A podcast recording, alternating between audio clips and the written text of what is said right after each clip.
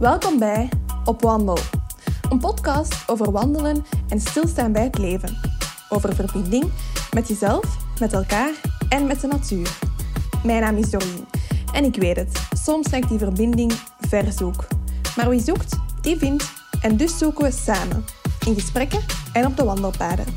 Met deze podcast wil ik je inspireren om op wandel te gaan, om te ontdekken, want buiten is het beter dan binnen.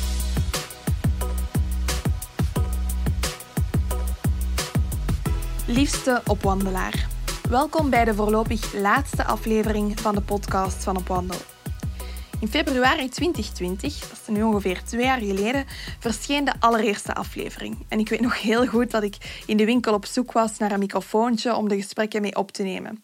En ik had eigenlijk echt geen idee waar ik aan begon. Ik had nog nooit een podcast gemaakt, ik had nog nooit mensen geïnterviewd. En de eerste aflevering heb ik dan ook echt met knikkende knieën opgenomen en gepubliceerd. Zelfs daarna nog vond ik het spannend om mensen te contacteren en te vragen of ze te gast wouden zijn. Maar amai, het is zo tof geweest de voorbije 27 afleveringen. Elke aflevering werd uniek dankzij de 27 gasten die meekwamen wandelen en ons hun verhaal toevertrouwden. En dat twee seizoenen lang. Zoals ik in de intro vertel, ging ik met deze podcast op zoek naar verbinding. Verbinding met mezelf, met elkaar en met de natuur. Nu, twee jaar later, ben ik blij om te vertellen dat ik die verbinding absoluut gevonden heb. Zeker met jullie. Want de podcast werd in het totaal meer dan 30.000 keer gestreamd. En op Instagram zijn we ondertussen met meer dan 11.000 opwandelaars. Dat zijn zotte cijfers. En ja, het doet me zoveel plezier om te zien dat ik jullie mee mocht inspireren om naar buiten te gaan, de natuur op te zoeken, te genieten van al het moois. En weet je, voor mij was het al geslaagd als ik één iemand had kunnen overtuigen om vaker naar buiten te gaan. En vandaag zijn dat er veel meer. Dus daar ben ik extra dankbaar voor. De podcast zal hier vandaag stoppen. Ik sluit niet uit dat er in de toekomst nog nieuwe afleveringen komen, maar nu voel ik dat het tijd is om op andere zaken te focussen. Het podcastverhaal stopt dus, maar het opwandelverhaal niet. Naast de podcast is er nu ook een blog en een set verbindingskaarten, een kaartenspel dat je mee kan nemen op je wandelingen de laatste jaren ben ik zelf ook sterk gegroeid als persoon, maar vooral ook als wandelaar. Ik ging van toertjes rond de blok naar dagtochten in eigen land, naar mijn eerste meerdagse trektochten met backpack. En op twee jaar tijd heeft de wandelmicrobe mij echt zwaar te pakken. Ik ben het gelukkigst met mijn backpack op mijn rug, wandelend in de desolate natuurpracht. En de voorbije twee jaar wisten jullie mij ook te vertellen dat jullie ook dromen van zo'n trektochten, van avontuur. En in 2022 en ook de jaren daarna, wil ik jullie helpen om die wandeldromen waar te maken. Om nog meer in verbinding te treden en die liefde voor het buitenleven te verspreiden. Ik hoop van harte dat jij ook deel blijft uitmaken van dat verhaal. Want hoe meer wandelzielen, hoe meer vreugd. Je blijft op de hoogte via Instagram en Facebook, maar ook via opwandel.be, waar je je makkelijk kan inschrijven voor de nieuwsbrief. Om de cirkel van verbinding rond te maken, ga ik vandaag op wandel met Patrick Huvenne. Patrick is regiobeheerder bij het Agentschap voor Natuur en Bos. En in deze aflevering legt hij haarfijn uit wat zijn job precies inhoudt. Hoe hij onder andere voor meer verbinding tussen natuurgebieden zorgt, hoe het met, met ons natuurbeheer gesteld is en wat wij als wandelaars kunnen doen om mensen als Patrick en zijn team een handje te helpen. Samen voor meer natuur. We gingen wandelen in Halle. We deden daar de Plan Boommarter wandeling. En die wandeling die brengt eigenlijk perfect in beeld wat de job van Patrick is. Ik raad je dan ook aan om deze wandeling te doen als je naar de podcast luistert, want Patrick die beschrijft af en toe een paar dingen die we zien onderweg. En ik denk dat het wel interessant kan zijn voor jou om met je eigen ogen eens te zien um, ja, waar Patrick het allemaal over heeft. Geniet van deze laatste aflevering, lieve opwandelaar. Ik vond het heel fijn om samen met jou te wandelen. En onze paden die kruisen ongetwijfeld nog wel een keer.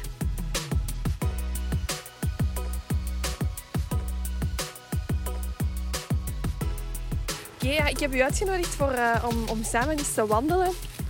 Uh, zoals ik al vertelde, de podcast gaat veel over buiten zijn en wandelen. En het leek mij wel belangrijk om eens iemand van uw kaliber, om het zo te zeggen, ook eens aan het woord te laten. Een, uh, een regiobeheerder.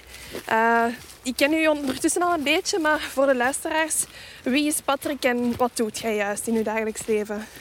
Ja, ik ben dus inderdaad regiobeheerder is de titel hè, bij het Agentschap voor Natuur en Bos. Mm We zijn eigenlijk verantwoordelijk voor al het terreinbeheer van de terreinen van, uh, van het agentschap van Natuur en Bos, van de Vlaamse overheid, uh, in een bepaald deel van Vlaanderen. Hè. Mm -hmm. We zijn met, uh, met tien in Vlaanderen. Dus Vlaanderen is opgedeeld in tien beheerregio's. en binnen die regio's zijn dan telkens een aantal boswachters actief en enkele arbeidersploegen. Dus wij, wat wij doen is eigenlijk leiding geven aan uh, die, uh, die ploegen die het terrein echt uh, dagelijks opvolgen. Mm -hmm. en vanuit die functie ook de opmaak van de plannen voor, de volgende, voor het volgende jaar en de volgende jaren. op korte en lange termijn die plan, planvorming begeleiden en, en opvolgen. Mm -hmm.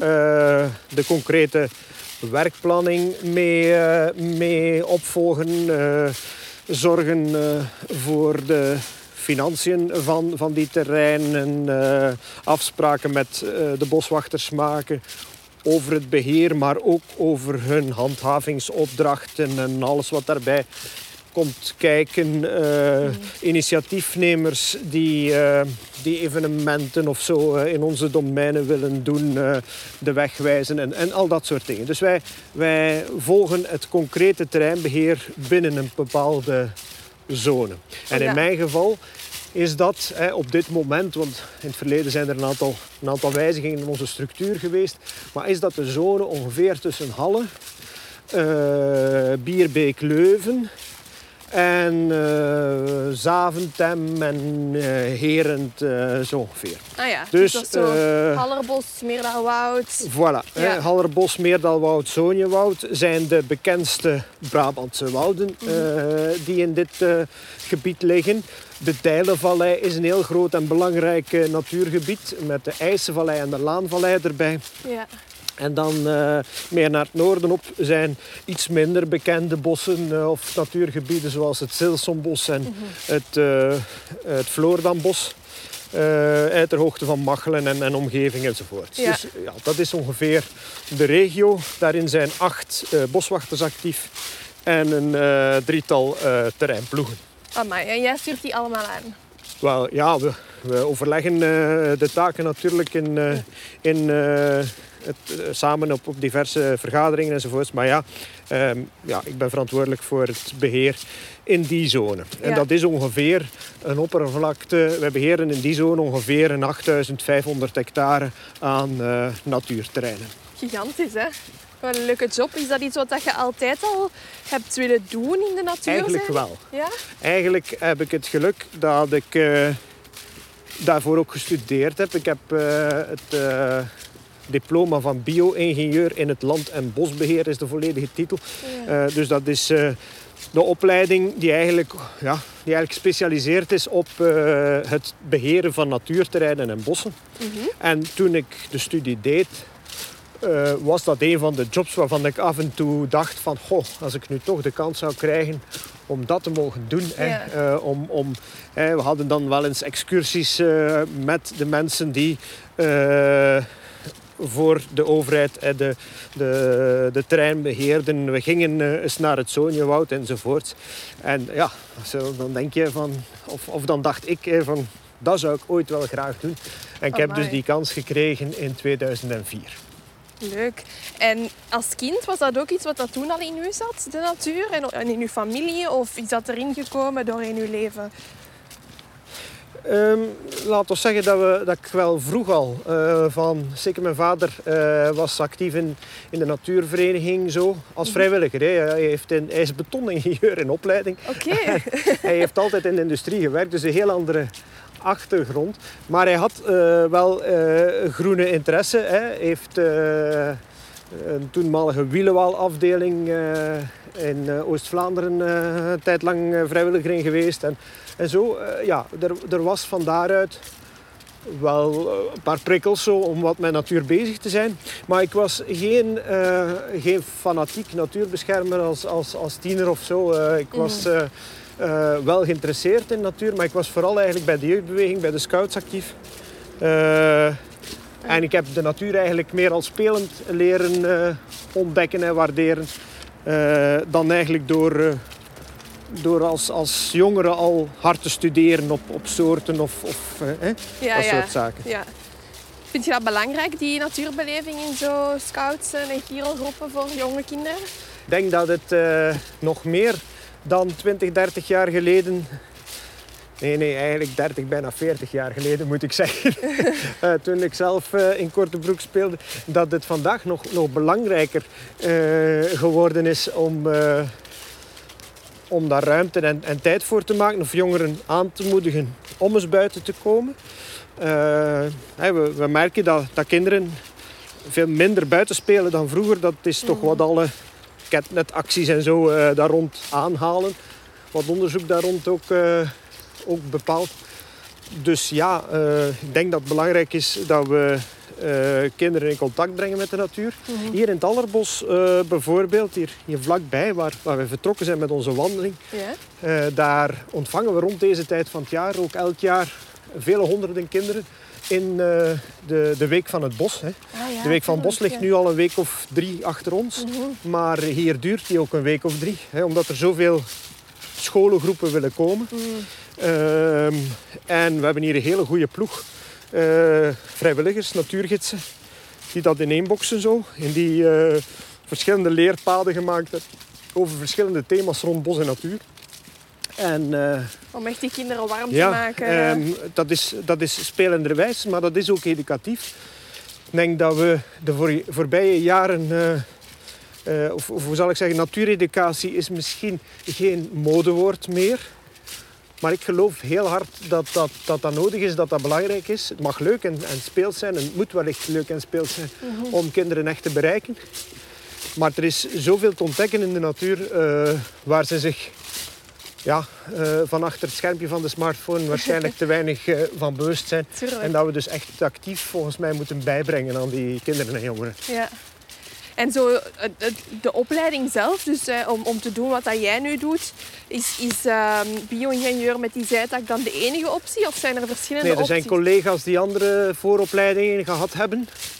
Ehm, maar dit is in, in de universitaire opleidingen wel de opleiding die het meest eh, erop gespecialiseerd is. Ja, Nu, er zijn er ook maar tien op, op heel Vlaanderen.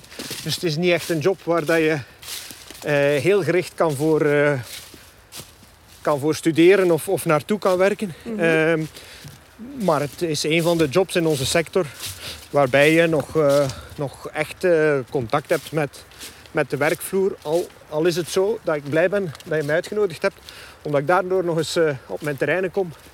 Want de Ja. meeste tijd van, van, van, eh, van het jaar, de meeste werktijd, zit ik achter eh, de computer of in een vergaderzaal. hè. Dus ik heb geen terreinjob in de betekenis dat ik onophoudelijk op, in, in het bos zou rondlopen. Hè. Dat is zeker niet, ja. niet de juiste inschatting. Vind je dat jammer? Wel, ik loop eens graag buiten, hè, maar ik denk op het moment dat je de verantwoordelijkheid hebt over, over een dergelijk oppervlakteterrein, dan weet je ook dat daar een heel pak eh, ja, budgetopvolging en personeelszaken en andere dingen bij komen kijken. Eh, dus dus allee, dat is op zich geen verrassing.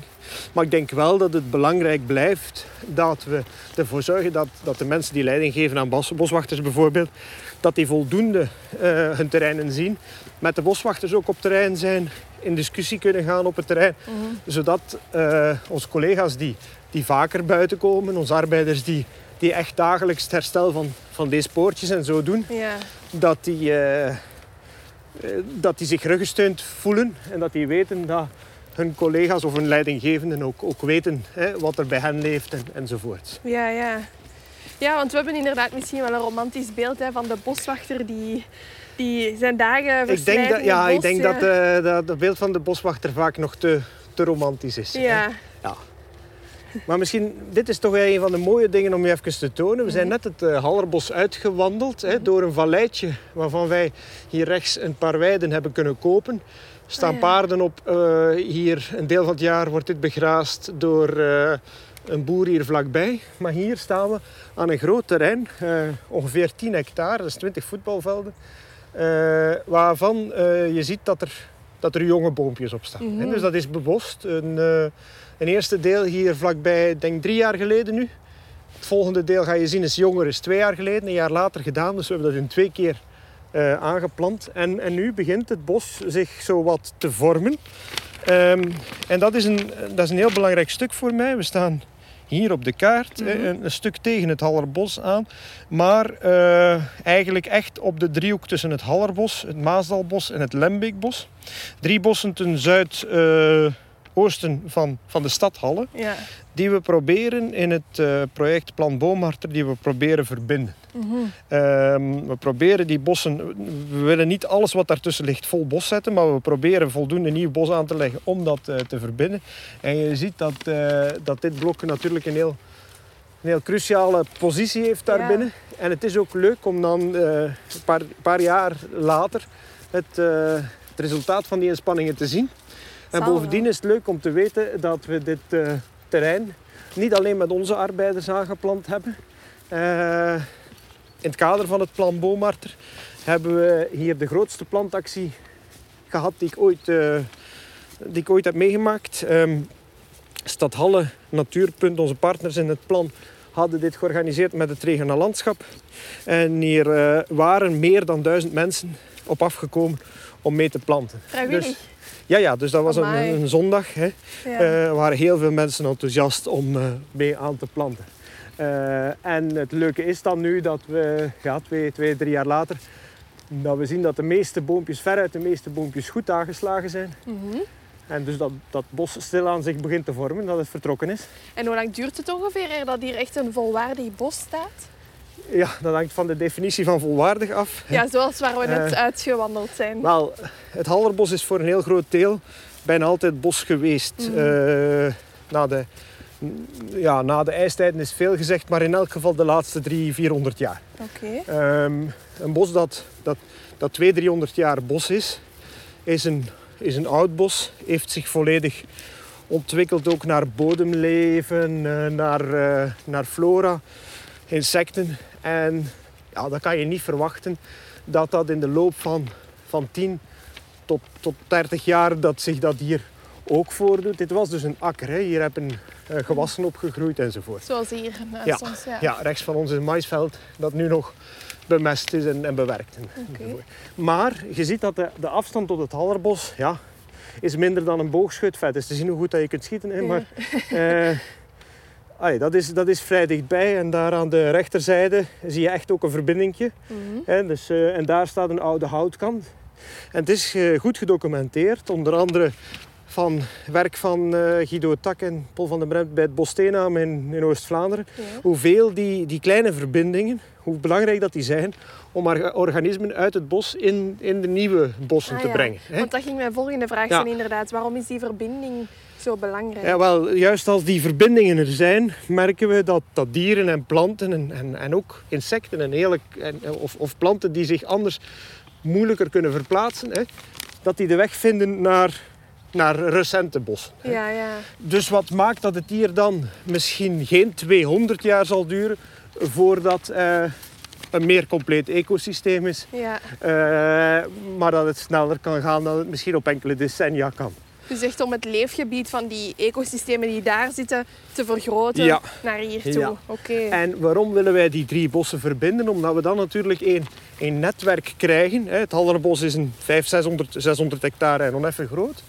Ehm het Maasdalbos is maar, is maar 11 of 12 hectare groot, veel kleiner. Hmm. Als we die twee verbinden, dan wordt het Maasdalbos een onderdeeltje van een complex dat honderden hectare groot is. Dus dat kan zich veel beter ontwikkelen. En natuurlijk, als uw vraag is, wanneer is dit bos een volwaardig bos waar dat we als wandelaar het gevoel gaan hebben dat we in een bos lopen, Ja. hè, dat gaat veel sneller. Binnen 10, 15 jaar zijn die boompjes groot genoeg en zal je het gevoel hebben dat je in een jong bos loopt hè, dat volledig gesloten is. Het, het, het sluiten, dat zal zelfs binnen, binnen 4, 5 jaar hè, zijn die boompjes eh, meer dan manshoog. En heb je echt het gevoel dat het, eh, dat het bos is. We hebben hier ook een stukje, we gaan het vandaag niet zien, want dat is aan de andere kant van de snelweg. Mhm. Een stukje van het Hallerbos dat eh, in het jaar 2000 is aangeplant, het Millenniumbos. Bon, dat is al een, eh, een serieus bos ondertussen. En ja, dat is 20 jaar geleden, maar dat is ook nog maar 20 jaar geleden. Enfin, Ja, je moet het in perspectief eh, plaatsen, inderdaad. Maar interessant. ik denk ook dat je daar veel voldoening uit haalt. Wel, het is daarom dat ik u graag naar hier meeneem natuurlijk. Omdat we daar inderdaad veel voldoening uit halen. Omdat het plezierig is om te zien dat je zoiets hebt mee een stukje helpt te realiseren. Ja. Is natuurlijk het werk van veel mensen. Hè, van de, de mensen die de grond hebben aangekocht. En, en de onderhandelingen hebben gevoerd met de eigenaars. Hè, van eh, de boswachters Ja. die de plannen hebben gemaakt. Hoe dat, hè, welke soorten dat er gingen komen en hoeveel enzovoort. En van de arbeiders die alles dan echt eh, hebben boompje voor boompje in de grond gestoken. Dus in de, in de meeste stappen was mijn eigen inbreng relatief beperkt. hè. Niet zo bescheiden. Ja, ja ik, ik, heb, ik heb het meeste handwerk eh, zeker niet gedaan. Maar het is wel een, een resultaat van, van die visievorming over het geheel. Waar dat ik dan wel eh, mee het initiatief heb, heb toegenomen. Ja, ja. En, want ja, dit is dan een van de dingen die het agentschap Natuur en Bos doet. Wat zijn zo nog zaken die jullie doen? En allee, wat is het doel eigenlijk van Natuur en Bos? Natuur en Bos zorgt voor meer natuur, beter ontwikkelde natuur samen met partners. Dat is de slogan. Oké. Ehm, en dat is ook ongeveer wat wij doen. Eh, en we proberen, zoals hier, eh, bebossing of, of, of natuurterreinen, want het is niet alleen bos, het gaat ook over andere vormen van natuur, maar natuurterreinen dus uit te breiden. We proberen op die manier voor meer natuur te zorgen. Maar in onze natuurterreinen werken we er ook aan om meer biodiversiteit te krijgen. Om te zorgen dat de verschillende soorten natuur of verschillende soorten planten en dieren meer ruimte krijgen. Hè. Ehm, en dus dat is het onderdeel betere natuur. En we weten dat we dat niet alleen kunnen. Hier in het Plantboomartergebied zeker. Maar ook ruimer in die zone van die Brabantse wouden zitten we met talrijke projecten waar we met anderen samenwerken. Mhm. Ehm, en eh, dat is dan leuk van met partners. Ja. Dat zit in allerlei soorten samenwerkingsverbanden. Sommige zeer formeel. We hebben in het uh, Zoniewoud een formele samenwerking met de drie gewesten die elk een stukje van het Zoniewoud beheren. We ja, want hier dat is precies wel complex dat zo het beheer verspreid zit eh, Wel- over verschillende bevoegdheden en partners dan. Ja, in het geval van, eh, van de gewesten heeft het zuiver met een territoriale verdeling te maken natuurlijk. hè. De, de, de lands- en gewestgrenzen zijn wat ze zijn. Ehm, in het geval van eh, verantwoordelijkheden van Natuurpunt, eh, agentschap en zo, heeft het te maken met initiatieven die lokaal gegroeid zijn. Met, er zijn ook private eigenaars die mooie stukken beheren en dergelijke meer. Dus dan proberen we daar gewoon eh, goed mee samen te werken. Ah. Nee, het is een kraai, denk ik. Nee. Ehm, eh, we proberen gewoon goed samen te werken over eigendomsgrenzen heen. Ik denk dat dat eh, in alle sectoren zich voordoet. hè. Je Ja. kan, als je in de cultuursector werkt, kan je verbaasd zijn over het feit dat er hè, stedelijke initiatieven zijn, gewestelijke initiatieven, private initiatieven, met en zonder subsidies enzovoort. Maar als je een groot cultuurfestival wil opzetten, eh, ja, ga je die allemaal mee moeten nemen. Eh, denk in elke sector kan je die vaststelling maken en ook bij ons is dat, is dat zo. Ja. Nu, het agentschap doet die, die taken niet alleen in zaken beheer van de eigen terreinen, want dat is mijn winkel, hè, dat is waar ik mee bezig ben. Mhm. Er zijn collega's die ook eh, bezig zijn met, met vergunningen bijvoorbeeld. Hè. Dat is een veel ambtelijker aangelegenheid. Dat is dossiers behandelen. Ja. Mensen al dan niet de vergunning geven of weigeren.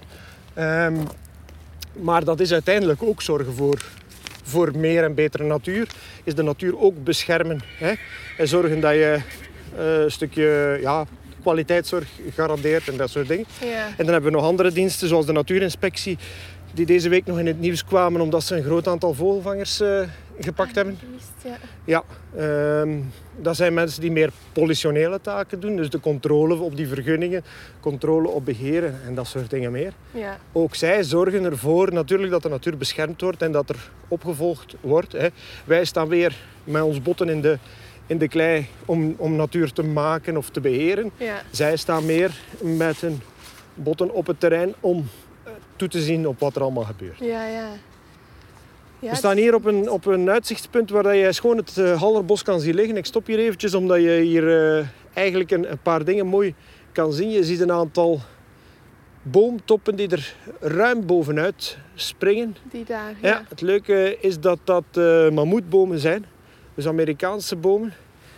daar Douglassen, ook Amerikaanse bomen, dus oh, ja. exoten. Maar uh, groepjes, relatief kleine groepjes, maar die al een redelijke leeftijd hebben. En die dus mooi boven de inlandse eiken en, en beuken uitkomen. Uh, en die op die manier wel herkenningspunten zijn van het Hallerbos. Ah, ja. En wat je ook ziet, is dat ons Hallerbos doorsneden wordt. Je ziet de verlichtingspalen, oh, ja. maar vooral je hoort op de achtergrond continu het geruis van de snelweg, van de ring rond Brussel, E19. Die tussen Antwerpen en Charleroi gaat. Ja. Um, en daar is het goede nieuws dat onze ministers uh, vorig jaar het VAPEO hebben goedgekeurd, het Vlaams actieprogramma Ecologische Ontsnippering. We houden van, van letterwoorden. Ja, um, allemaal zo complex. Ja, maar ja, het is, een, het is een, een, een, woord. Maar, maar de titel zegt wel wat het is. Hè. Het is een, een actieprogramma om die versnippering door, uh, door wegen en infrastructuur enzovoort om te keren in ontsnippering, hè, ecologische ontsnippering. Mm -hmm. En hier uh, zal de eerste concrete actie uit dat actieprogramma plaatsvinden. Hier in het Hallerbos uh, zullen we een ecoduct bouwen. Ah, wow. uh, dus een, een, brug voor beestjes. In dit geval wordt het een eco-recreaduct, dus er komt ook een strook voor wandelaars. Mm. En dus waar nu een brug is over de snelweg die, uh, die zelfs autoverkeer toelaat, zal dat uh, omgevormd worden naar een veel bredere brug, waar nog een strook is waar wandelaars en fietsers over kunnen. Autoverkeer zal niet meer mogelijk zijn.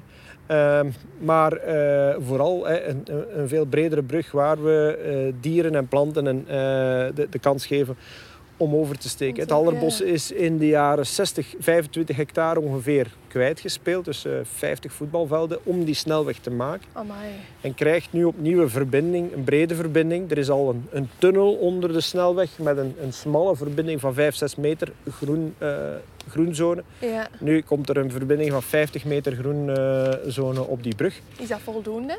Dat is voldoende om de, om de meeste soorten allee, toe te laten om over te steken. Mm -hmm. uh, wat vooral belangrijk is, is dat er dan uh, zeker in grotere gebieden een aantal, eh, om de zoveel kilometer een, een, een, een ja. verbinding komt. Mm hè. -hmm. Nu, uh, de zone die er doorsneden is, is niet zo enorm lang. En we hebben dus straks het tunneltje dat al bestaat en een ecoduct. Ja.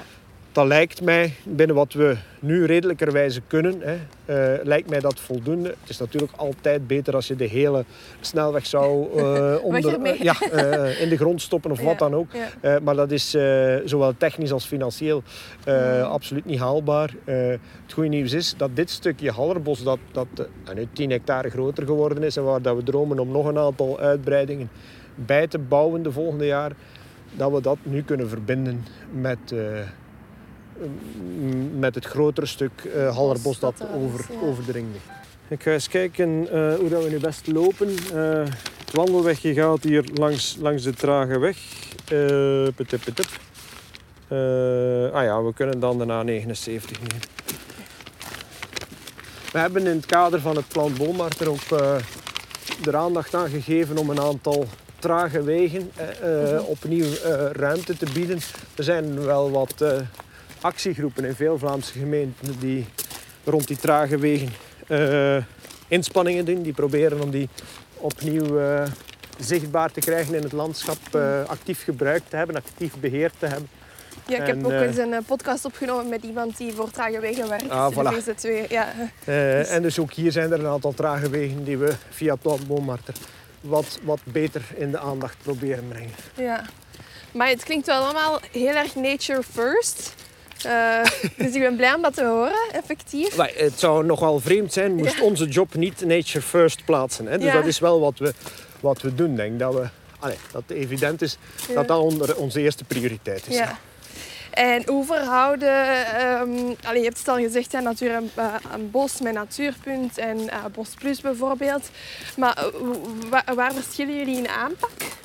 Laten we zeggen dat onze rol sowieso verschillend is vanuit vanuit de opdracht. Hè. Uh, Natuur en Bos van de Vlaamse overheid. Mhm. Mm -hmm. Zoals de lange naam het zegt, we zijn van de Vlaamse overheid.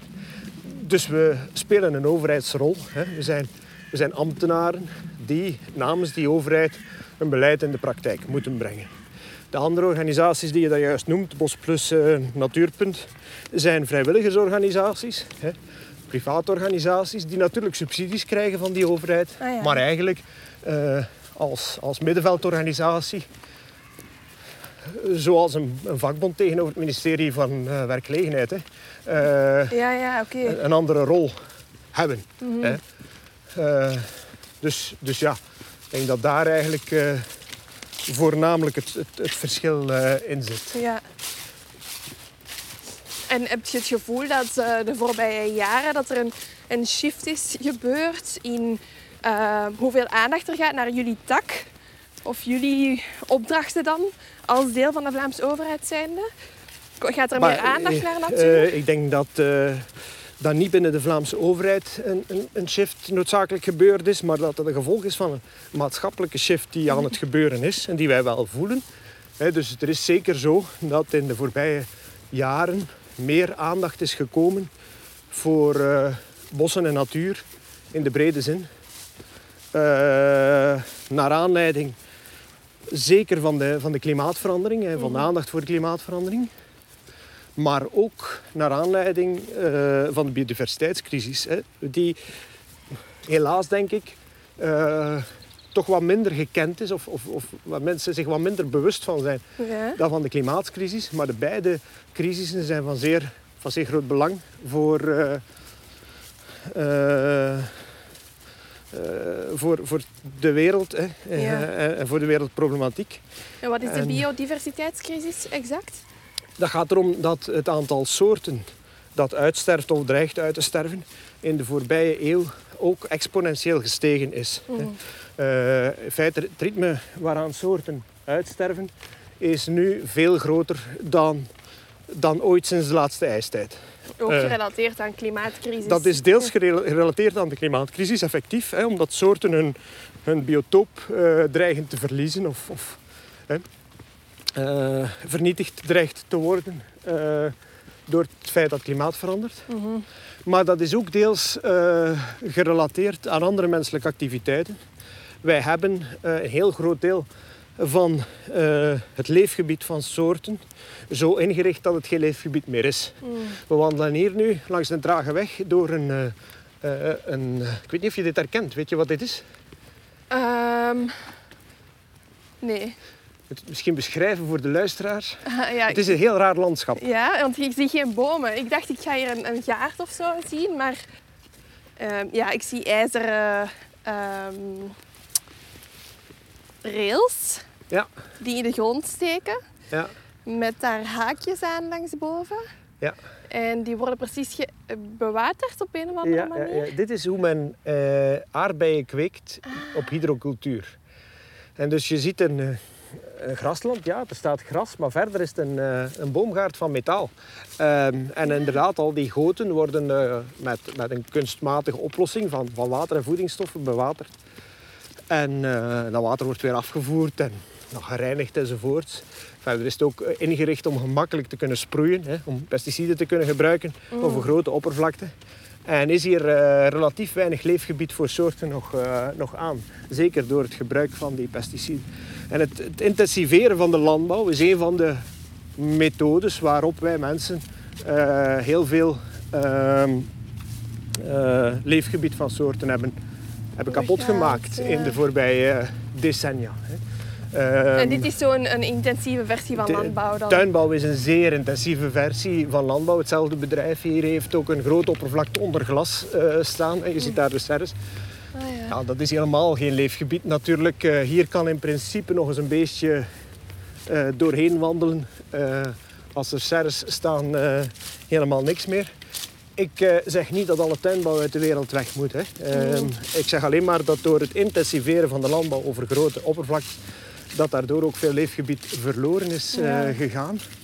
En eh, eh, natuurlijk, wat je hier verder nog ziet, daar weer een nieuwe, een nieuwe bebouwing. Hè. Ook zeker in Vlaanderen hebben we heel veel bebouwd in de voorbije decennia. Is heel veel ja, volgebouwd geraakt. Hè. Dus ook daar is leefgebied verloren gegaan.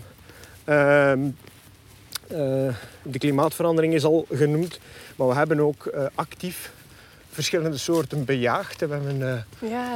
we hebben heel veel soorten eh, ja, gedecimeerd door ze, eh, door ze te verdelgen, te bejagen, hun, hun terreinen eigenlijk actief kapot te maken om, om de soort eh, minder ruimte te geven. Hè. Denk, aan de, denk aan de olifanten bijvoorbeeld, Mm. eh, die gestroopt zijn voor een ivoor.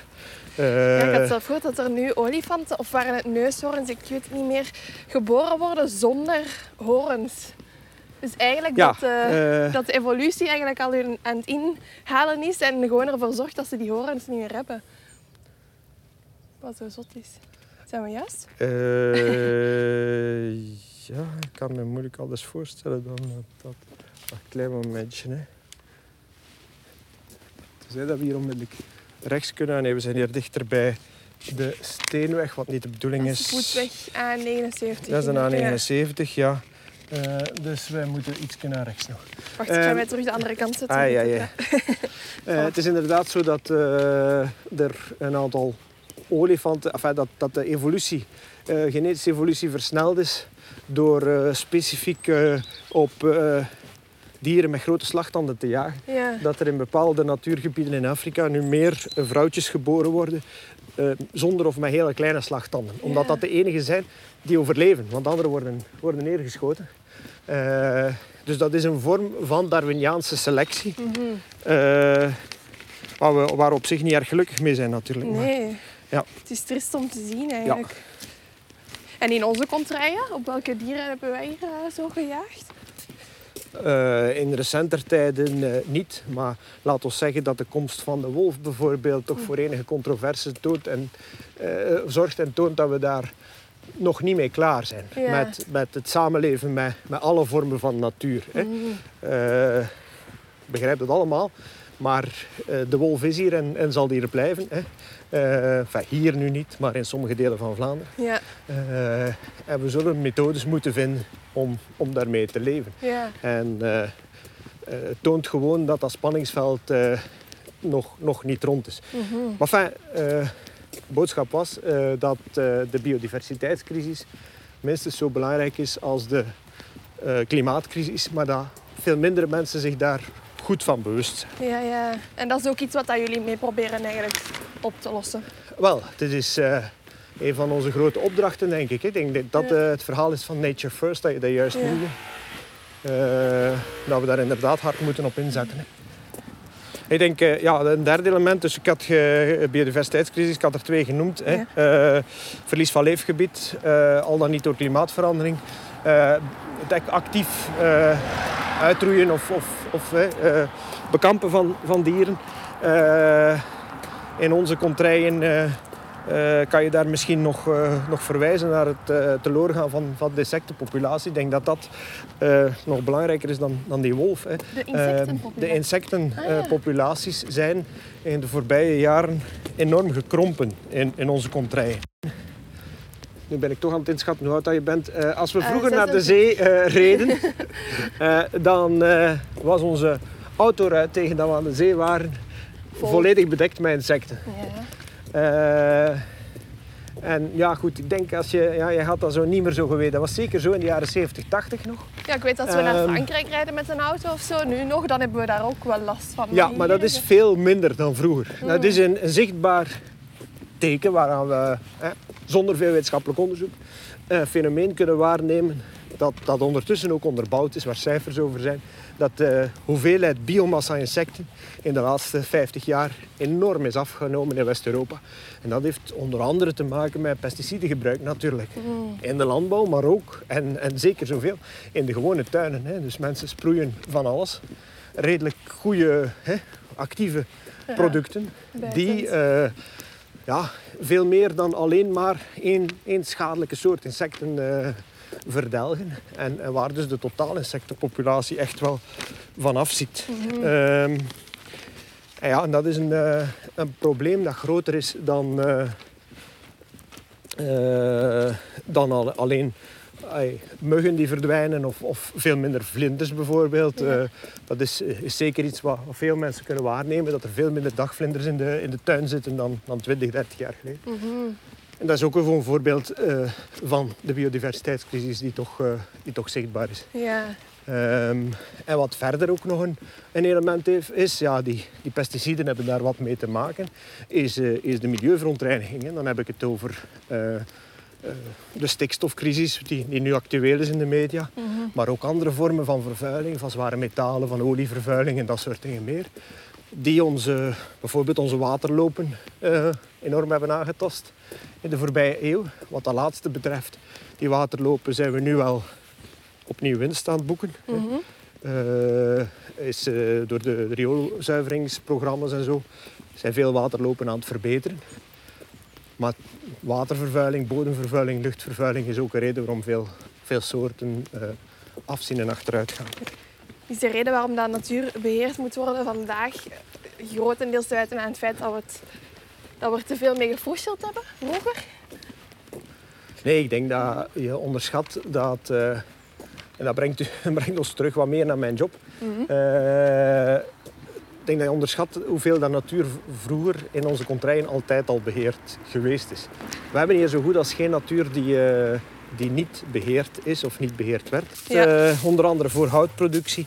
Eh, voor, voor hooi, heide werd met schapen beheerd. Niet omdat dat mooi is of omdat die heide mooi bloeit, maar omdat die schapen en de, en de kleinschalige landbouw die daaraan gekoppeld was, de enige vorm van inkomen was dat die arme heikneuters hadden eh, in, die, in die tijd tot, tot 100, 150 jaar geleden. Dat is, dat is lang geleden, maar ook weer niet zo lang. Hè.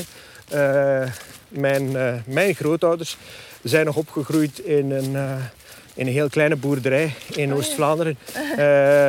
Eh, lang voordat de tractoren en dergelijke kwamen. Dus ehm, het gevolg van die vormen van, van landbouw toen was ook een soort natuurbeheer. Was dat die soorten die gebonden zijn aan de heide eh, zich op grote oppervlakte konden ontwikkelen. Door het teloorgaan van, van dat beheer Mhm. eh, is ook die oppervlakte heide erg afgenomen. Zijn die soorten onder druk gekomen. Dat is de reden waarom dat wij nu vanuit natuurbeheer aan heidebeheer moeten doen. Aan een soort landbouw die, die als landbouw niet meer bestaat. Eh, om die soorten kansen te geven om te blijven voortbestaan. Ja. Om, om habitat te hebben. Om, om leefgebied te hebben. Hè. Eh, het bos wordt nog altijd beheerd, ook voor houtproductie. Maar meer dan, dan vroeger eh, hebben we daar dan nu ook aandacht voor, eh, voor de bosgebonden soorten. Dat we daar heel bewust mee omgaan. Ons oppervlaktebos is bij de laagste van Europa. Dus proberen we die, die bossen zo in te richten dat al die soorten daar ergens hun gading vinden. Mhm. Naast die functie van houtproductie, naast die functie van recreatie en ontspanning in de bossen, eh proberen we dat allemaal te, te combineren. Ja. Dus de rol van een mens is daar toch wel in nodig, hoor ik u zeggen.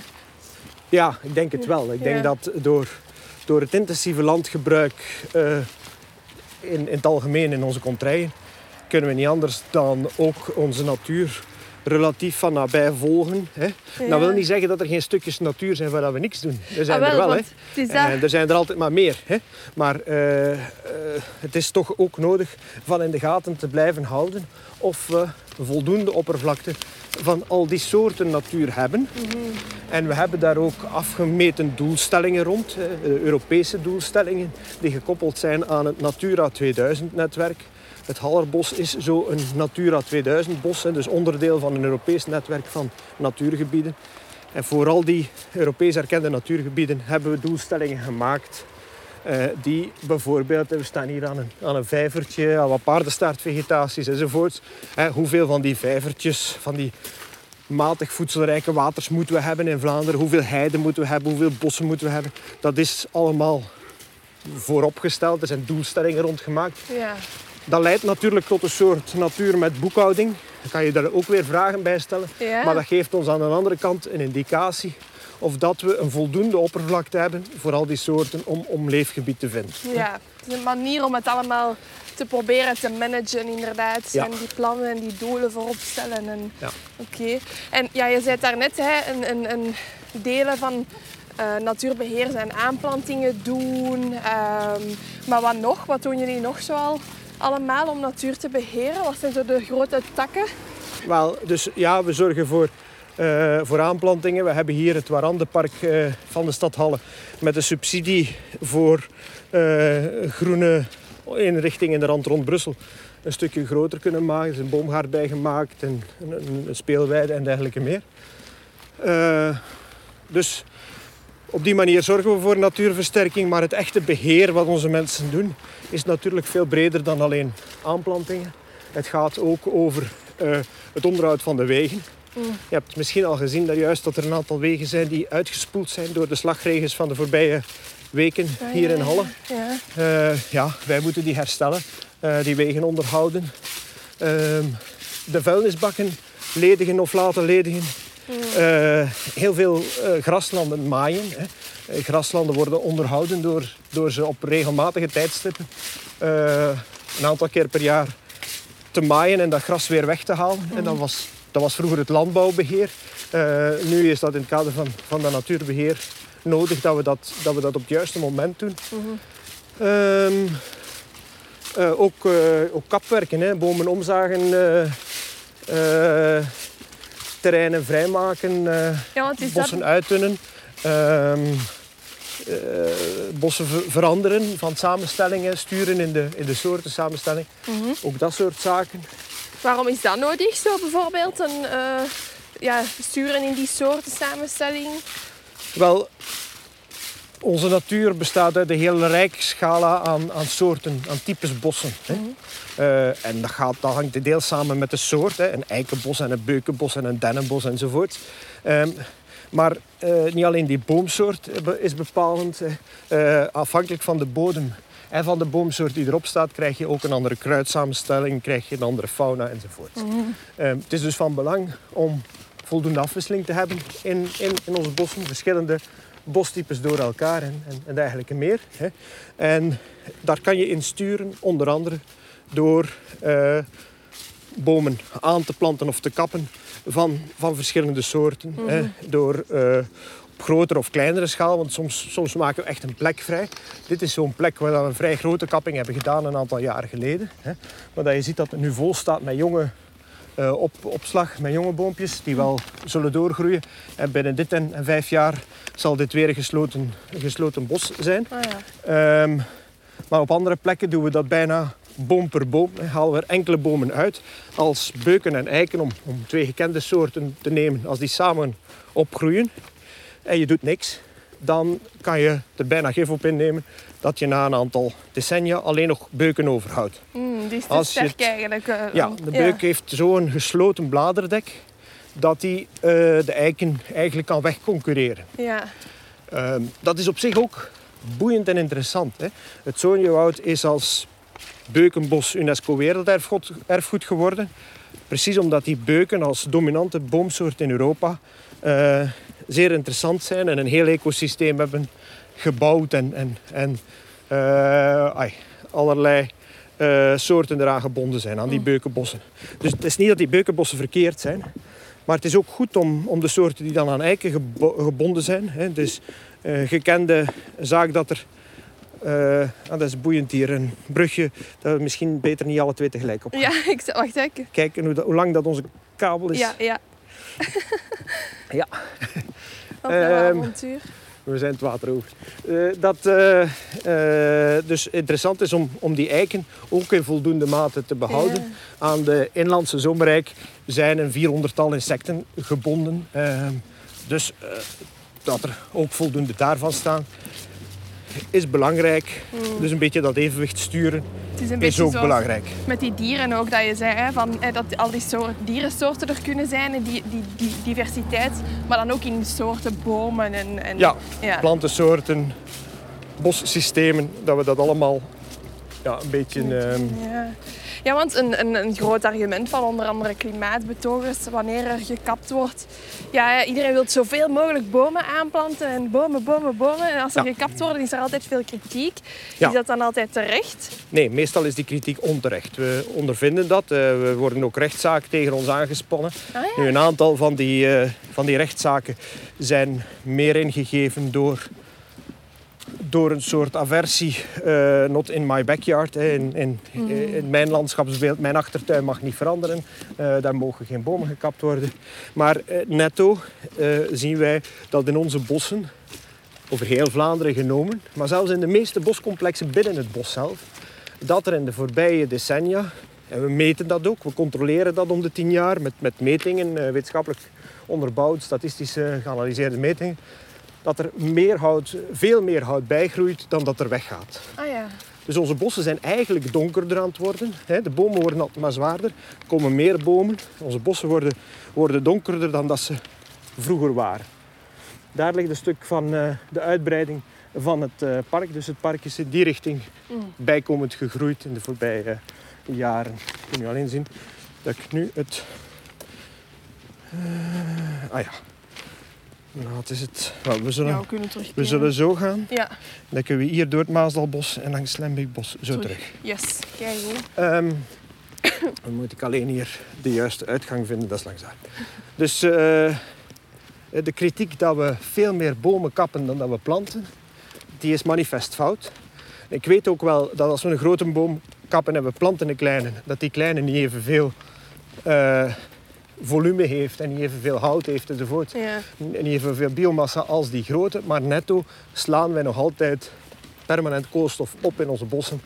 Uh, blijft het zo dat we uh, de bossen eigenlijk laten donkerder worden enzovoort. Mhm. Ook al gebeurt het dat we plaatselijk een stukje bos alle bomen wegkappen. Het gebeurt. Ik heb daar juist een stukje gezien, een opening. Ja. Maar een aantal jaren later groeit dat, groeit dat weer dicht. Hè. Um, dus dat is één, één punt uh, waar dat die kritiek meestal niet, niet terecht is. Um, uh, ten tweede over de dunningen. Uh, als je een bos laat doorgroeien, dan gaan er uiteraard bomen dood. Je hebt gezien hoeveel duizenden boompjes dat we geplant hebben op dat stuk van 10 hectare. Mm -hmm. uh, daarvoor hebben we in het Hallerbos gewandeld, waar de bomen veel verder van elkaar staan, ja. maar waar die ooit ook zo dicht stonden.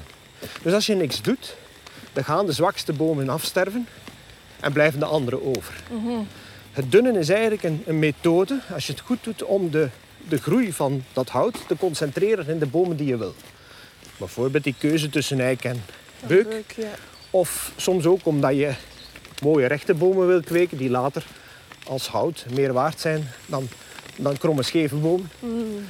Um, dus het, het, dunnen zorgt niet voor minder bomen, zorgt niet voor minder koolstofopslag. Zorgt ervoor dat die koolstofopslag geconcentreerd wordt in de bomen die we willen. Want als die bomen meer ruimte krijgen, dan groeien ze gewoon sneller. Hè? Omdat de boom ernaast weg is, krijgt hij meer ruimte, groeit hij sneller die opening uh, toe. Het is echt de Dus, concurrentie wegnemen. Om Het is die- eigenlijk ja. sturen op die concurrentie. Mhm. Hè? Dus ook, ook daar is die kritiek niet terecht. De derde reden waarom we kappen is om van bos naar een ander type natuur te gaan, bijvoorbeeld heide. En dat kan ik al beter snappen dat mensen daarvan schrikken. Want als we dat doen, dan verdwijnt natuurlijk het bos. Hè. Dan komt er een andere soort natuur, een open natuur, Mhm. die, dat heb ik juist eh, verteld, hè, die, die natuurlijk voor de biodiversiteit ook heel belangrijk is enzovoort, maar er staan geen bomen meer. Ehm, we compenseren dat netto ook altijd, eh, meerdere keren zelfs, hè, door elders bossen aan te planten. Maar die bossen zijn natuurlijk klein en mo- moeten nog groeien en, en, enzovoort. hè. Dus Mhm. eh, daar kan ik mij voorstellen dat mensen daar moeite mee hebben. Nu, als je het over de hele oppervlakte van ons bosareaal bekijkt, gaat dat maar over beperkte oppervlaktes. Zelfs als het plaatselijk over veel oppervlakte kan gaan, eh, gaat dat netto over, over het gehele bosareaal van Vlaanderen, gaat dat toch maar over, eh, o- over weinige procenten of na de komma. Nee, ja, dat is dus een gevolg van de keuzes die je moet maken om die, bi- om die biodiversiteitsdoelstellingen te halen. Nou ja, alle, alles wat jullie doen is inderdaad in functie van die plannen en die doelstellingen die zijn vooropgesteld. En, Ja, mensen hebben soms de indruk dat wij eh, dat, wij dat ad random doen naar de voorkeuren van de plaatselijke beheer. Allee, dat dat niet zo onderbouwd zijn, eh, dergelijke keuzes, dat is niet zo. Dat is echt wel goed op voorhand bestudeerd. Mhm. Mensen hebben daar ook inspraak in. Via, we geven daar infowandelingen over, we geven daar, er bestaan in- inspraakprocedures rond. Maar heel dikwijls is daar weinig interesse voor tot op het moment dat dan dat plan helemaal goedgekeurd is door Oh, de minister, in uitvoering komt en die eerste boom omgezaagd wordt. En dan pas worden mensen wakker, zien ze van hé, hè, maar we hebben hier nooit iets over te zeggen Ja, gehad. mhm. Dat is niet waar. Hè. Er zijn wel inspraakmomenten geweest. Hè. Dat is niet, niet goed onderbouwd. Dat is ook niet waar. Eh, maar ik kan mij natuurlijk voorstellen dat dat even eh, schrikken is. Ja, ja. Dat is inderdaad ook vaak in het bos, hè, dat je zo die bordjes ziet staan met dan uitleg over wat Voilà. dat er... Zijn er zo nog punten van kritiek die jullie vaak krijgen, waarvan dat je denkt, nu is het moment om dat eens te weerleggen? Eh, maar ja, eh, ik- merk, eh, ik merk inderdaad dat de, de kritiek en, en, eh, dat die toeneemt. Ah ja, In het toch? algemeen. Ja? Het is van, van deze ochtend geleden dat ik er met een van mijn ploegbazen over gesproken heb. Die daar erg bezorgd over was omdat onze arbeiders op het terrein aangesproken worden door toevallige passanten, door wandelaars, die niet akkoord zijn met wat we doen. En dat gaat over bomenkappen, hè, waar we het er juist over hadden. Maar dat gaat ook over, over heel eenvoudige beheerwerken die wij moeten doen. Eh, het, eh, het wegblazen van de bladeren op de wandelwegen bijvoorbeeld. Wat we doen omdat die wandelwegen anders eh, aangetast worden door de, door de blaren die composteren. Hè. En glad ook vaak. en glad worden enzovoort. Dus waar weer andere wandelaars dan ook over klagen. hè. Het herstellen aan, aan banken enzovoort krijgt zelfs kritiek Serieus? op dit moment van wandelaars. Het is, het is soms echt onbegrijpelijk. Ehm, en, en dan vraag je je af, hoe komt dat en wat kunnen we daaraan doen? Ik denk, eh, zonder, zonder kritiek op jouw activiteiten, maar ik denk dat de social media daar een heel kwalijke rol in spelen. Hè. Dat, eh, ja, we hebben gezien eh, hoe zelfs het machtigste land van wereld, der, der wereld eh, vier jaar lang geregeerd wordt door iemand die duidelijk niet verstand heeft om, om die job te doen, maar wel gestuurd wordt door de social media, waar heel, heel fake news programma rond kan opgezet worden en dat maar blijft bestaan en dat nog lang niet weg is. Ja, Ehm, dus eigenlijk de desinformatie die er, er is echt een ja. probleem met desinformatie en met een gebrek aan, aan, ja, aan, aan respect, of ik weet niet hoe dat ik het moet uitdrukken, voor kennis en voor, eh, eh, voor kunde. Hè? voor, voor mensen die dan toch bepaalde dingen kennen en, en leren en er ook verantwoordelijkheid over nemen. En mensen zijn niet meer geneigd om zich eerst, eerst grondig te informeren, maar zijn geneigd om, om, om heel snel eh, zeer hard te reageren. Ja, Dus daar is duidelijk een probleem. Ik heb geen flauw idee wat we daar kunnen aan doen. Het enige wat wij proberen is om, om telkens opnieuw zaken uit te leggen. Bijvoorbeeld ook, als je mij vraagt wat zijn zo'n hoop bezorgdheden. Eh, een grote bezorgdheid is honden aan de leiband. hè. ja, ja daar wou ik het eh, ook nog over Dit hebben. weekend nog was er een persbericht van de Brusselse collega's in het Zoniewoud. hè, die, eh, die dit weekend een ree hebben gevonden die, die eh, gebeten was door, door een hond op zo'n manier dat ze niet anders konden dan dat dier doodmaken. Oh, ja. Ehm, dat is niet zo zeldzaam. Eh, vorige week heeft een van mijn collega's in het Vlaamse deel van het Zoniewoud hetzelfde verhaal tegengekomen. Twee weken daarvoor een andere collega in het Zoniewoud. Dus drie, weken op drie, eh, drie reeën op drie weken tijd. Ehm, maar toch, elke keer als iemand vragen, doet die hond aan de leiband, krijgen we ja, eh, tegenkanting, krijgen we bezwaren te horen. Begrijpen wij niet wat de hond is? Eh, Hebben wij een probleem? Eh, zijn wij niet bevoegd? Enfin, dus mensen gaan direct in, in het defensief en willen niet aanvaarden dat er afspraken, regels zijn die, die niet alleen van belang zijn voor die reeën trouwens, maar voor alle dierenleven in de omgeving. ja. En ook voor veel andere mensen die al lang niet meer durven hun medemensen aanspreken eh, op het feit dat ze bang zijn van honden van Ja. een ander.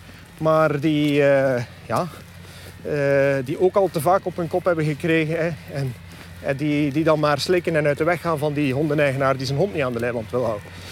Dus dat zijn zo'n aantal thema's die ons wel bezighouden. Ja. Ja, dat hond aan de leiband is inderdaad een heel, heel gevoelig thema. Zo, hè? Ja. Maar inderdaad, wat je zegt, die desinformatie, ik denk dat jullie daar dan een grote rol in kunnen spelen om die informatie wel, allee, of, of om de correcte informatie wel bij de mensen te krijgen in gesprekken zoals we nu met elkaar hebben bijvoorbeeld. Hè? Ja, ik denk dat eh, weinig mensen eh, een idee hebben van hoe vaak we dus effectief zien dat die honden eh, tot schade lijden. Hè. Ja. Eh, mensen die een hond hebben, komen dat bijna nooit tegen natuurlijk, maar wij komen dat dus wel heel regelmatig tegen. Dat een hond, een andere hond, een wandelaar, een ree heeft gebeten of dat er eh, eh, echt serieuze gevolgen aan zijn. We proberen dat op te vangen door specifieke zones in onze domeinen eh, af te bakenen waar die honden wel mogen loslopen. hè. Ja, de De losloopzones. losloopzones, Ja. waar dat we soms een, een draad rond zetten zelfs, zodat je echt een, een afgebakend geheel hebt. Sommige zones zijn zo groot dat er niet echt een draad hoeft. Ehm, maar op die manier proberen we daar toch wat in te sturen. Ehm, en met een redelijk succes. Hè. De, de meeste, of veel mensen voegen zich daar ook wel naar. Mhm. Het is alleen dat we moeten blijven herhalen eh, voor de anderen waarom we dat doen. Dat het belangrijk is dat ze zich daaraan houden enzovoort. Ja. Naar deze podcast luisteren veel wandelaars. Hè. Ik denk één tip is al inderdaad hou je hond aan de leiband, eh, informeer jezelf. Is er nog iets wat wij als wandelaars kunnen doen om het gebied te helpen beheren en beschermen? Ja, er zijn een aantal evidenties, zoals neem uw afval mee naar huis. Hè. Eh, ah, we gaan eh, echt het eh, terrein in. Ja, stevige schoenen aan. Ja, en ze waren toch gaan een al beetje door de modder ploeteren. Hè, het heeft van de weekend wel wat geregend, dus hier is, is de weg wat slechter. Ehm, dus neem uw afval mee naar huis is een evidente. Toch blijft het zo dat wij onevenredig veel tijd steken in, in zwerfafval wegruimen. Van alle soorten en maatjes, maten, eh, blikjes en eh, sigarettenpakjes.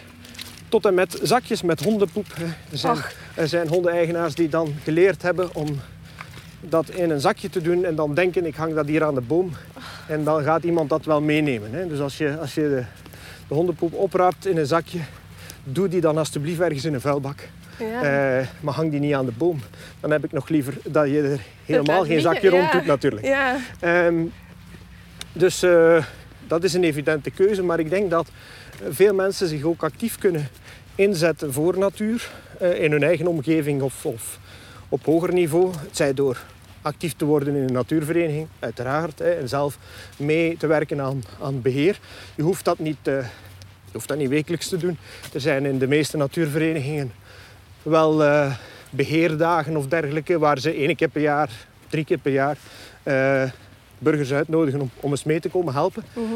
Het zij door eh, acties te steunen of mee uit te kijken naar mogelijkheden om onze natuur te versterken, om, om gronden aan te kopen, om de natuurgebieden te vergroten. Mhm. En rond dat thema van het kennen van de natuur nemen wij ook een aantal initiatieven. Ik heb al verteld over de Week van het Bos, die richt Ja. zich specifiek naar de kindjes.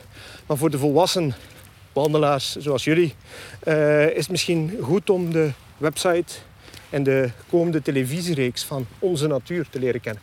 Ik weet niet of je daar al van gehoord Ik, hebt. sta, ik zit op de nieuwsbrief van Onze Natuur. Ja. Eh, maar ik wist niet dat er een tv-reeks kwam. Dat is Ja, wel echt eigenlijk heel leuk. eh, zijn die, die cameraploegen al een tweetal jaar aan het werken, aan het verzamelen van beelden eh, rond onze natuur in België. Het is een hele grote samenwerking tussen de natuurbeheerders van ons land. Ehm, en eh, het is dus de bedoeling om een, eh, om een beeld te geven van, van de enorme rijkdom van die biodiversiteit. Als je me vroeg, hè, wat is biodiversiteit? Ja. Wat is de biodiversiteitscrisis? Wel, dat gaat heel duidelijk worden in die, in die reeks. Of dat is nu al een stukje zichtbaar in die, op die website en in de nieuwsbrieven, de podcasts enzovoort. De vlogs die zij maken. Eh, en ik denk dat u informeren en, en meer leren over de natuur op, op die manier ook. Hè. Dat is een plezierige manier Mhm. om meer te leren. Het is een beetje zoals de documentaires van David, Attenborough. Ik wou er juist over beginnen. Dat is te- zo te leuk. om- bekijken. Ja. Maar ja, maar het, het haalt ook, het haalt ook dat niveau. Hè. Het zijn ook echt hele mooie beelden, Ja. maar van natuur die heel dicht bij ons is en waarvan we het dikwijls niet beseffen. Eh, maar die vaak ook kwetsbaar is. Dus eh, dat soort manieren om je te informeren helpt zeker ook om je steentje bij te dragen aan, eh, aan het grotere verhaal. Ja. Goeie tips, denk ik. Zeggen, is er eigenlijk een tekort aan boswachters eh, of, of, of hulpende handen ook, los van vrijwilligers? Ehm, en, en hoe- wat is de beste manier voor mensen, moest er iemand geïnteresseerd zijn, om zich dan om te scholen tot... Want Ja. ik hoorde u daar net iets vertellen ook over dat je directeur was van een opleidingscentrum. Ik ben vroeger eh, directeur geweest van een opleidingscentrum. Eh, dat opleidingscentrum noemt nu Inverde. Eh, en in verder leidt inderdaad onze toekomstige bosarbeiders, boswachters enzovoorts op. Hmm. Eh, we zoeken af en toe, maar niet heel vaak, een nieuwe collega. Dus we zijn niet meer zo heel erg veel, dus zijn er ook niet zo heel erg veel vacatures. Hmm. Maar toch regelmatig wel in de volgende jaren wellicht, eh, zeker voor boswachters, met enige regelmaat. Omdat de populatie aan boswachters verouderd is. Er zijn Ja. lange tijd geen nieuwe aanwervingen gebeurd. Dus zijn, eh, zijn er meer collega's tegen hun pensioengerechtigde leeftijd aan. Eh, en eh, is het te voorzien dat we wel een aantal nieuwe aanwervingen zullen doen. Ja. En dus als je in die richting wil evolueren, is het goed om één of meer opleidingen te vo- volgen bij inwerking.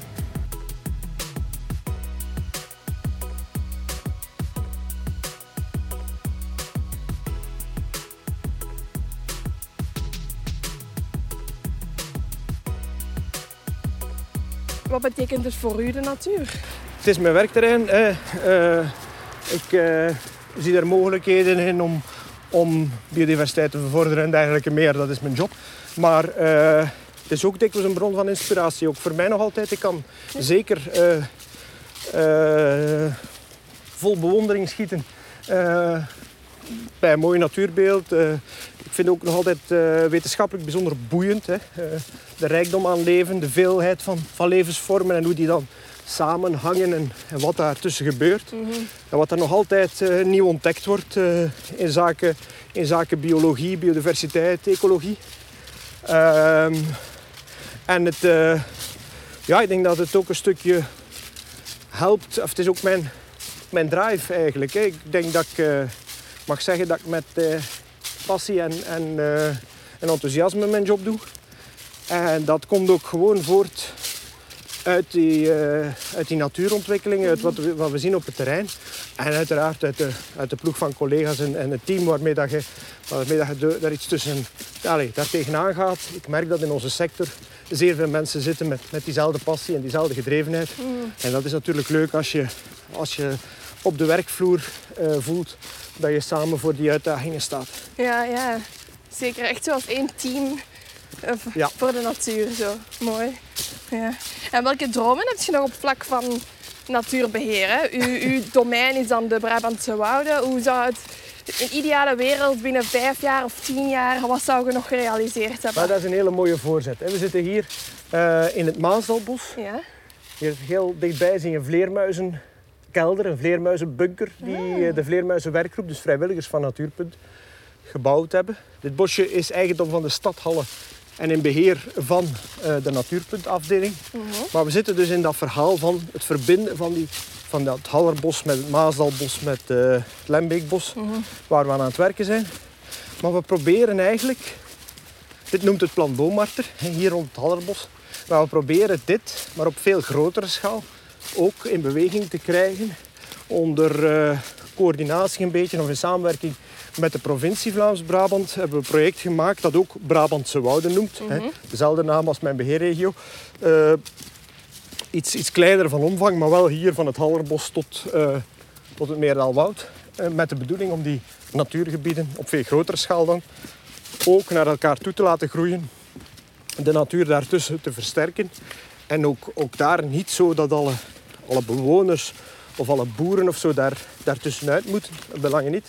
Eh, maar wel met de bedoeling dat die, eh, dat die verschillende eilanden van natuur, hè, door eh, uitbreiding, linten, bosaanplant, boomgaarden, natuurlijker waterlopen van betere kwaliteit enzovoort, Ja. dat we die beter kunnen, kunnen verbinden. En als ik één droom heb voor de volgende vijf of tien jaar, is dat we er inderdaad in zouden slagen om die Brabantse wouden sterker te laten samenhangen. Eh, maar vooral ook vandaar een, een, een ruim draagvlak voor te kweken. Hè, van, van een groot aantal mensen enthousiast te krijgen voor dat idee. Hier rond Halle eh, is dat zeker gelukt. Hè. We hebben eh, op een gegeven moment een boek gemaakt rond het Hallerbos. En bij de boekvoorstelling hadden we een vijfhonderdtal aanwezigen die interesse hadden in het Hallerbos, in dat boek. Hè. We hebben Oh ja. hier die bosuitbreidingsactie gehad met meer dan duizend aanwezigen. Dus hier is zeker veel enthousiasme rond het Hallerbos. Eh, Maar ik hoop dat we erin slagen om, om eenzelfde enthousiasme te krijgen uh, rond het geheel van de Brabantse wouden en Ja, de, en de verbinding daartussen. Eh, en dat eh, ja, de kers op de taart zou dan zijn. Hè. Het dossier is ook ingediend om daar een nationaal park van te maken. Ah ja. Eh, over dat geheel. Eh, niet alleen op Vlaams grondgebied, voor de Vlaamse nationale parken, maar ook eh, voor de twee andere gewesten, Brussel, Wallonië, zouden ook een, een zone mee inbrengen in, eh, in dat project. ja, want we hebben en dat- maar één nationaal park hè, in België nu. Eh, wel, er is eigenlijk zelfs geen enkel nationaal park met een wettelijk statuut nationaal park op dit moment, omdat er geen wetgeving rond bestaat. Maar het Nationaal Park Hoge Kempen heeft eh, twintig jaar geleden zelf voor, voor die naamgeving gekozen. En voor alle uitstraling die erbij hing. En dat was een, een meesterzet. Eh, zij hebben dat heel goed gedaan. Ze hebben daardoor de natuur, maar ook het toerisme in die streek zeker eh, een paar stappen vooruit geholpen. Oh, ja. En het feit dat jij onmiddellijk daaraan denkt, het toont dat ze daar geslaagd zijn om die, om die naam te zetten en om die, om die bekendheid te geven aan een streek die voorheen ja, onder natuurbeheerders wel gekend was, maar, maar toch niet dezelfde uitstraling had. Ja, het is precies Ehm. ook wel omdat iets de naam Nationaal Park heeft, dat het ook zo heel eh, uniek wordt of speciaal Ja. of zo. Alsof we ervoor moeten zorgen, inderdaad. Precies. Hè? Ja. Het, is niet, het is niet zo dat het Zoniewoud of het Hallerbos eh, niet gekend genoeg zijn. Au contraire, hè, ik denk dat het heel, heel gekende bossen zijn. In het Hallerbos hebben we elk jaar, zelfs met het Jacintenfestival, Oh, ja. eigenlijk een toevloed aan mensen die we heel goed moeten eh, Beheren. managen, ja, beheren. Ehm, maar, maar bon, eh, eh, het is zeker zo dat het geheel van, van de streek en de verbinding tussen die, tussen die waardevolle boskernen, dat die een extra steun verdienen.